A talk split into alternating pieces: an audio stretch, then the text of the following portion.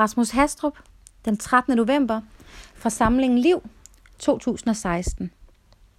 Den dag Lars Halvorsen skulle henrettes, begyndte regnfuldt.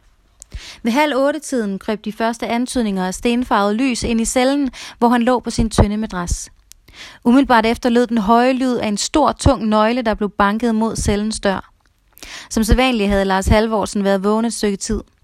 Lyden af nøglen mod døren havde samme farve som lyset, synes han. Han rejste sig og lavede sine knæbøjninger. Han vidste godt, at det kunne være lige meget ligegyldigt, og det havde han vidst lige siden denne dag, den 13. november, var blevet udnævnt, udnævnt til dagen, hvor det skulle ske. Men alligevel, nu havde han lavet knæbøjninger hver morgen i al den tid, han havde siddet i fængsel. Så hvorfor lave om på vanerne, bare fordi man skal dø? Da knæbøjningerne var veloverstået, kiggede han sig om i den lille celle, der havde været hans hjem i 11 år, halvdelen af hans liv. Min sidste dag her, tænkte han. Farvel, grå vægge.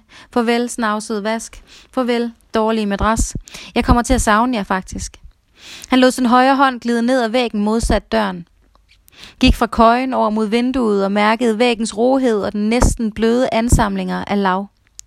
Hvis man så grundigt efter, havde lavet mange farver, og Lars Halvorsen havde tit brugt mange timer i træk på at sidde og fortabe sig i disse miniatyrskove.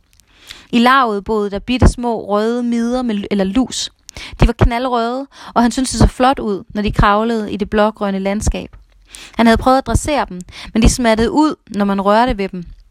Når man slikkede fingrene bagefter, kunne man næsten ikke smage dem. Da han nåede over til vinduet, var regnen stillet af. Vinduet sad så højt, at Lars Halvorsen kun kunne se en lille firkant himmel.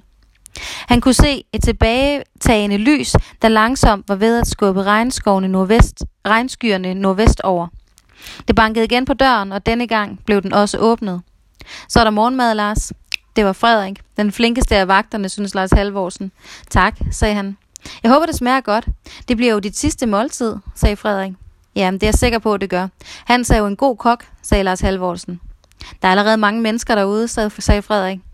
Åh oh, nej, sagde han. Jeg håber, jeg klarer det. At jeg ikke gør noget dumt, mener jeg. Det skal nok gå. Du skal jo ikke gøre så meget, sagde Frederik. Tak skal du have, Frederik, sagde Lars Halvorsen. Jamen selv tak da, og velbekomme, sagde Frederik. Han gik ud af cellen og låste døren efter sig. Lars Halvorsen begyndte at spise.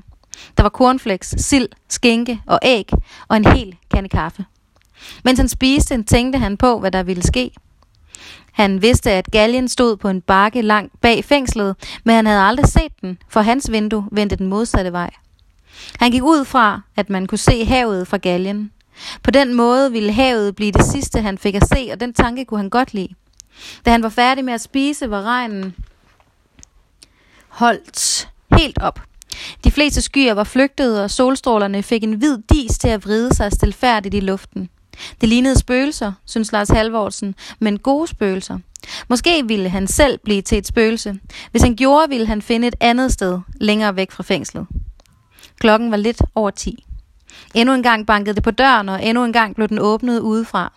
Denne gang var det en anden vagt ved navn Benno. Jeg kommer for at hente bakken, sagde Benno. Er du færdig med maden? Ja tak, sagde Lars Halvorsen. Benno stablede det brugte service op på aluminiumsbakken. Du Benno, sagde Lars Halvorsen. Jeg skal altså lige spørge dig om noget. Hvorfor er det nu, jeg skal hænges? Hvad er det nu lige, jeg har gjort? Benno sukkede.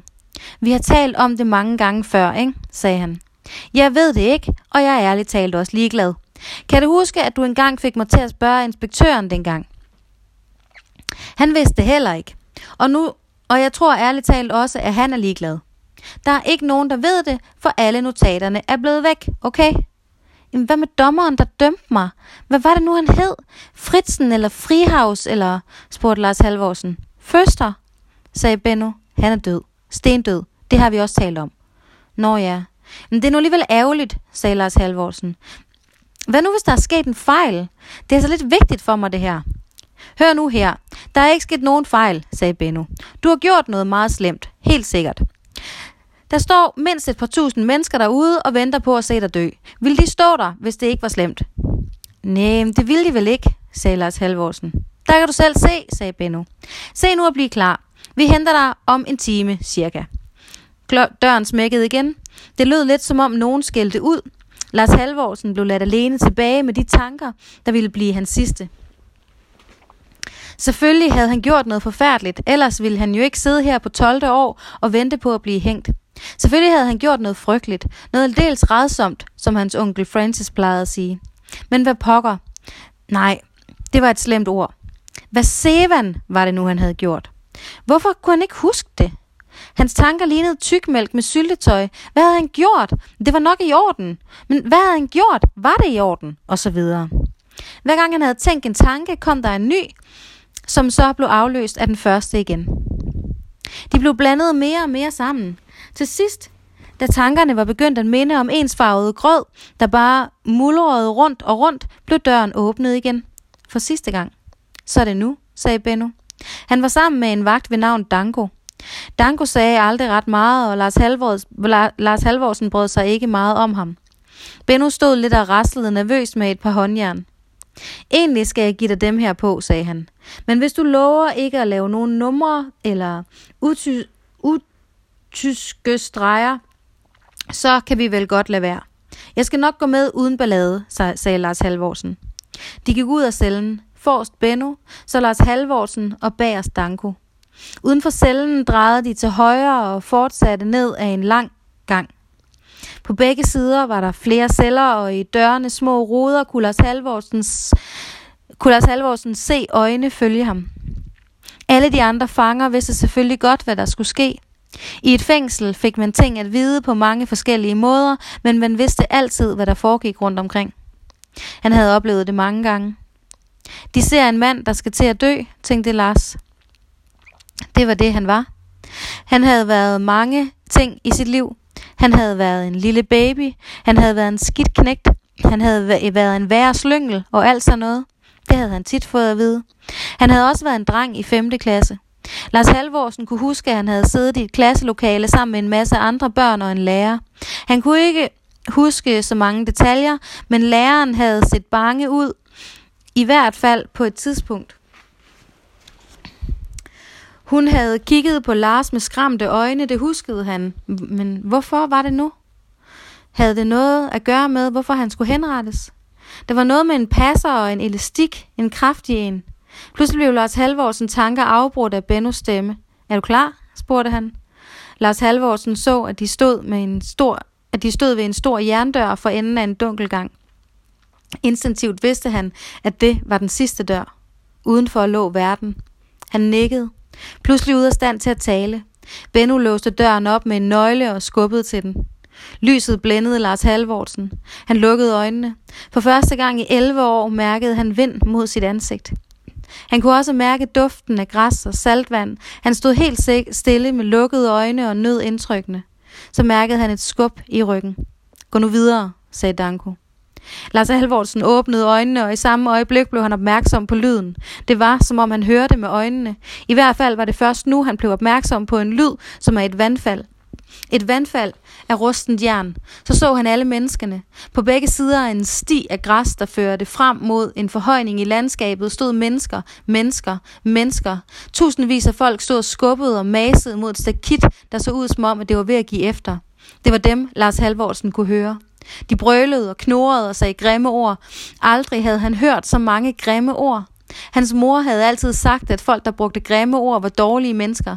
Hver gang han selv var kommet til at sige pokker eller hulens eller sådan noget, havde hans mor set meget vredt på ham og sagt, Lars, det er nu, du skal tænke dig om. Er du et dårligt menneske? Er du sådan en, som ordentlige mennesker skal have? For hvis du siger den slags uhyreligheder, uhyreligheder, så lover jeg dig, at gode mennesker vil have dig. Og jeg har ikke lyst til at have dig, Lars. Men hvis du taler sådan, så har jeg ikke noget valg. En gang havde han skåret sig, mens han skar kartofler i skiver. Spidsen af kniven var gået ind under hans tommelfingernegl, og det havde gjort så ondt, at han havde udbrudt. Af for satan! Hans mor, som stod ved siden af, havde set på ham med store, chokerede øjne. Hun havde ikke sagt et ord, men efter nogle lange øjeblik var hun begyndt at græde. Store tårer, der, der lignede græshoppelaver, var begyndt at løbe ned af hendes kinder. Nogle af dem samlede i hendes mundvis, og det så ud som om hun savlede. Så gik hun ud af køkkenet. Han så hende ikke før tre dage senere.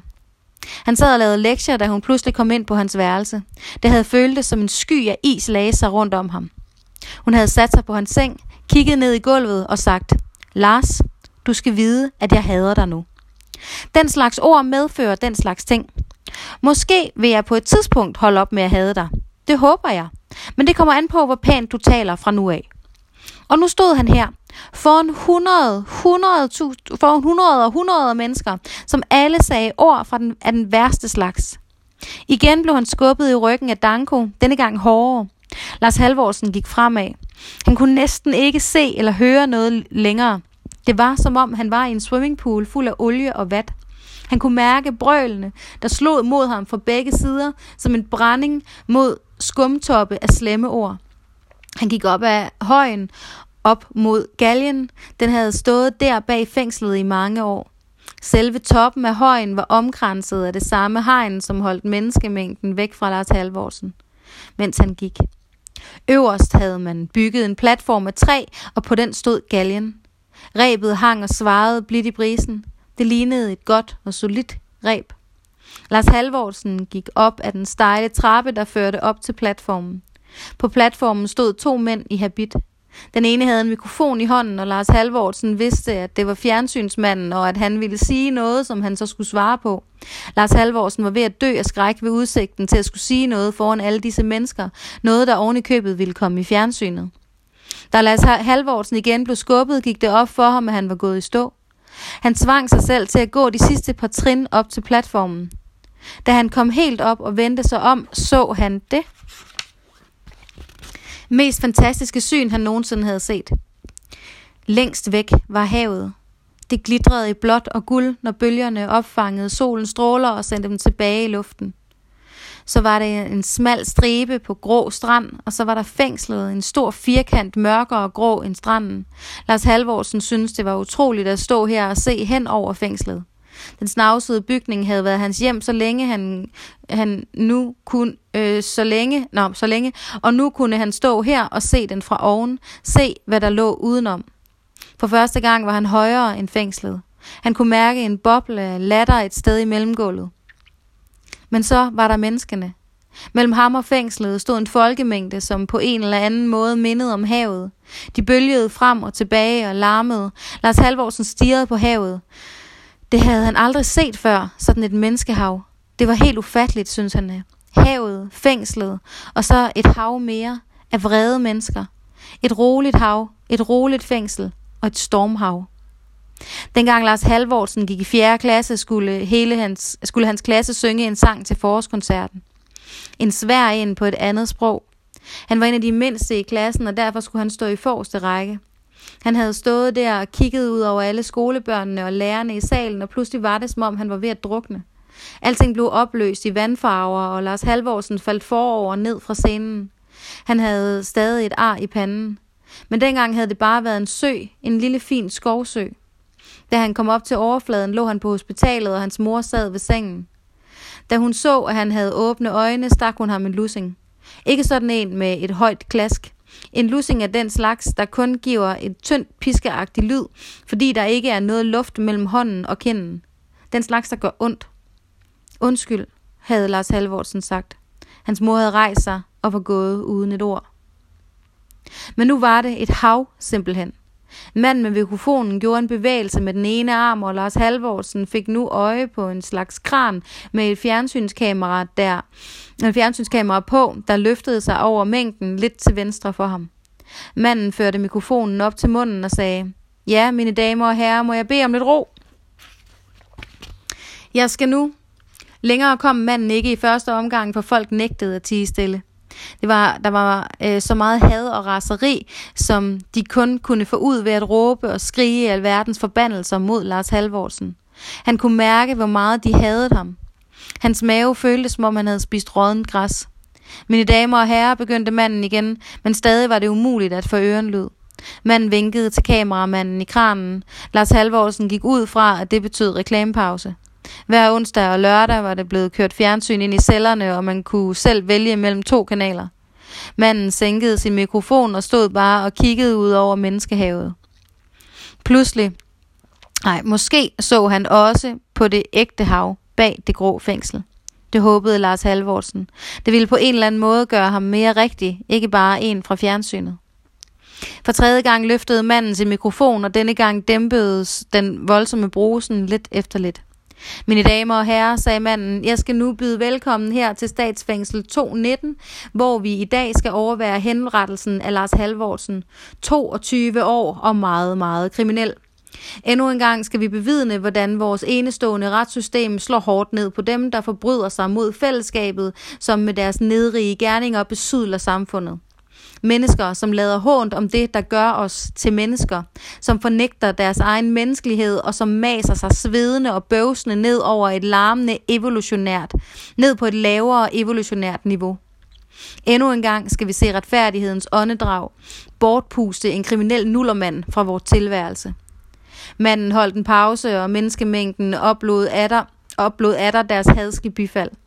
Som traditionen foreskriver, fortsatte manden, skal jeg nu give dette umenneske, dette groteske, uværdige individ, lov til at sige et par ord.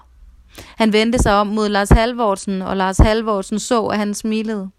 Manden gik hen mod ham, og da han var kommet helt hen og havde taget opstilling lige foran ham, blinkede han til ham. Lars Halvorsen forsøgte at smile tilbage, men det lykkedes ikke helt. Og Lars, jeg tror, vi er rigtig mange, der gerne vil vide, hvorfor du egentlig gjorde, som du gjorde. Hvad var det, der drev dig til sådanne modbydeligheder?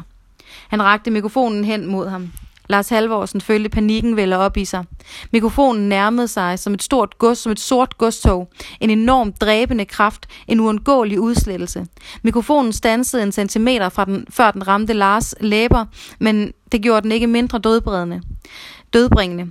Han kunne se små bitte dråber af fjernsynsmandens spyt på det skumgummi, der omgav selve mikrofonhovedet. Lars Halvorsen lukkede øjnene. Hans tale var snøret fuldstændig sammen af en iskold, fugtig kvalme. Han kunne ikke sige et ord. Så kom han til at tænke på sin mor. Det kunne ikke være rimeligt, at han selv nu på sin sidste dag, i sin sidste time, atter skulle skuffe hende med at opføre sig pinligt. Så mange skuffelser havde han givet hende i tidens løb. Nu skulle det have en ende. Hun sad sikkert og så ham i fjernsynet. Han kunne forestille sig, hvordan naboerne ville reagere. Nå, fru Halvorsen, var det ikke din kujonsøn, som stod der i fjernsynet uden at sige et kuk? Det var rigtig nok pinligt, var? Lars Halvorsen sank en klump og følte en hård kugle af glidende is bevæge sig nedad, helt ned i bunden af maven. Han, han løftede hovedet og så fjernsynsmanden direkte i øjnene. Jeg begyndte Lars Halvorsen, så blev han afbrudt af et råb nede fra menneskemængden. Dit forpulede, røvhullede, pikule nosserøv. Fra mængden lød en latter af den slags, der er lidt for rå, som mennesker i flok griner, når det de griner af i virkeligheden ikke er særlig sjovt. Lars Halvorsen krømpede sig. Hvordan kunne man sige sådan nogle ord? Det var som at få stoltrådet boret ind i hjernen, men han ville ikke give op nu. Nu skulle han være modig for første og sidste gang i sit liv. Da lyden til småt havde trukket sig tilbage, prøvede han igen. Jeg hedder Lars Halvorsen, sagde Lars Halvorsen. Menneskemængden stod nu helt stille og stirrede på ham. Hvis tilskuerne før havde været en mund, der ville opsluge og æde ham, var de nu et øje og et øre. De ville ikke gå glip af det, som denne usleste af alle usle havde at sige. Jeg, jeg skal henrettes i dag. Jeg ved ikke hvorfor, men jeg er klar over, at jeg må have gjort noget meget, meget slemt. Jeg står her, fordi jeg fortjener at dø. Det kan der ikke være nogen tvivl om. Jeg vil bare ønske, at jeg vidste hvorfor. Jeg vil, det vil gøre det hele meget lettere. Men notaterne er blevet væk, og jeg har selv svært ved at huske, hvad det var, der skete. Jeg var jo ikke så gammel dengang. Lars Halvorsen kunne se, at der nu dukkede enkelte opmuntrende smil op på de forreste rækker. Det gav ham mod til at fortsætte. Jeg ved godt, at jeg har været en kæmpe skuffelse, især for min mor, men nu skal det være slut med det. Derfor vil jeg være modig nu og sige de her ting. Jeg vil starte med at sige undskyld til min mor. Undskyld for alle de grimme ord, jeg er kommet til at sige. Det er godt, du slipper af med mig nu. Det er nok det bedste for os begge. Nu Lars lagde Lars Halvorsen mærke til, at flere blandt tilskuerne stod og nikkede, som om de gav ham ret i det, han sagde. Der var efterhånden også mange, der smilede. Ingen sagde noget. Hvis man koncentrerede sig, kunne man ane den fjerne susen fra det store hav på den anden side af fængslet. Lars forestillede sig, at havet var evigheden. Han var på vej derhen mod evigheden. Det var en rar tanke. Jeg vil godt sige tak til vagterne, Frederik, Benno og Danko. I har været venlige mod mig hele vejen igennem. Også tak til Hans, fængslets kok. Det er hans skyld, at jeg er blevet lidt rundt sagde Lars Halvorsen og klappede sig på maven. En latter løb gennem menneskemængden, men det var en venlig latter, som om folk troede, at han havde været morsom med vilje. Lars Halvorsen følte sig mere og mere modig. Nu troede han, nu turde han satse, nu turde han pludselig sige ting, han aldrig ville have våget før. Dommeren, som dømte mig, er død nu. Jeg har glemt, hvad han hed, men jeg vil godt sige tak til ham alligevel. Det kan ikke være nemt at dømme en 11-årig dreng til døden, men han gjorde det. Det var selvfølgelig e-, det eneste rigtige at gøre, men det må have været meget svært. Lars Halvorsen lod blikket vandre ud over mængden. Mange af menneskerne stod og så eftertænksomme ud. Venlige og stadig smilende, men eftertænksomme. Det var en helt ny oplevelse for Lars Halvorsen. Aldrig havde han været i stand til at få folk til at tænke ved simpelthen at sige noget på den her måde. Han, Lars Halvorsen, kunne nærmest svinge folk til at bruge deres hjerner ved hjælp af, ved hjælp af ord. Han fik helt ondt i brystet af lykke. Jeg skal også sige tak til alle jer, som er kommet herud for at se mig dø på denne smukke dag. Når jeg står heroppe, kan jeg se havet ude bag ved jer, og det ligner guld. Det er det smukkeste, jeg nogensinde har set. Jeg er ked af, at det bliver det sidste, jeg får at se, men også glad for det, hvis I forstår, hvad jeg mener. Det er min egen skyld, at det bliver det sidste, og jeg vil gerne slutte med at sige, at jeg fortryder det, jeg har gjort, hvad det end var. Tak. Et øjeblik var der helt, helt stille. Så stille at Lars Halvorsen kunne høre blodet suse i sine ører. Så brød bifaldet løs. Det skyllede op mod ham, som en lavine af honning skyllede ind i ham og fik hans hjerte til at vokse, fyldte hans lunger med gylden luft. Manden fra fjernsynet sænkede mikrofonen. Lars Halvorsen så, at tårne strømmede ned af hans kinder. Manden klappede Lars Halvorsen på skulderen to gange. Du er en held, viskede han. Så trak han sig tilbage. Stadig lød bifaldet højere og højere. Folk klappede som gale, som ville de sørge for, at Lars Halvorsen mistede hørelsen, før han mistede livet. Den anden af de habitklædte mænd, som endnu indtil nu havde holdt sig i baggrunden, trådte frem. Han havde rare, brune øjne, synes Lars Halvorsen. Manden tog fat i det reb, der hang ned fra tværbjælken ovenover. Han lagde forsigtigt lykken om Lars Halvorsens hals og smilede til ham. Godt gået, sagde han. Lars Halvorsen nikkede. Han kunne næsten ikke høre, hvad manden sagde på grund af klapsalverne, men han kunne se hans læber. Manden strammede rebet lidt til og justerede knuden under Lars Halvorsens venstre øre. Så gik han et par skridt tilbage, hen til det håndtag, der skulle udløse faldlemmen. Lars Halvorsen tog en dyb indånding. Manden trak i håndtaget, og lemmen åbnede sig. Med havet i øjnene og lyden af ekstatisk bifald i ørerne forlod Lars Halvorsen denne verden. Bifaldet stillede først af, da han var holdt helt op med at spirte.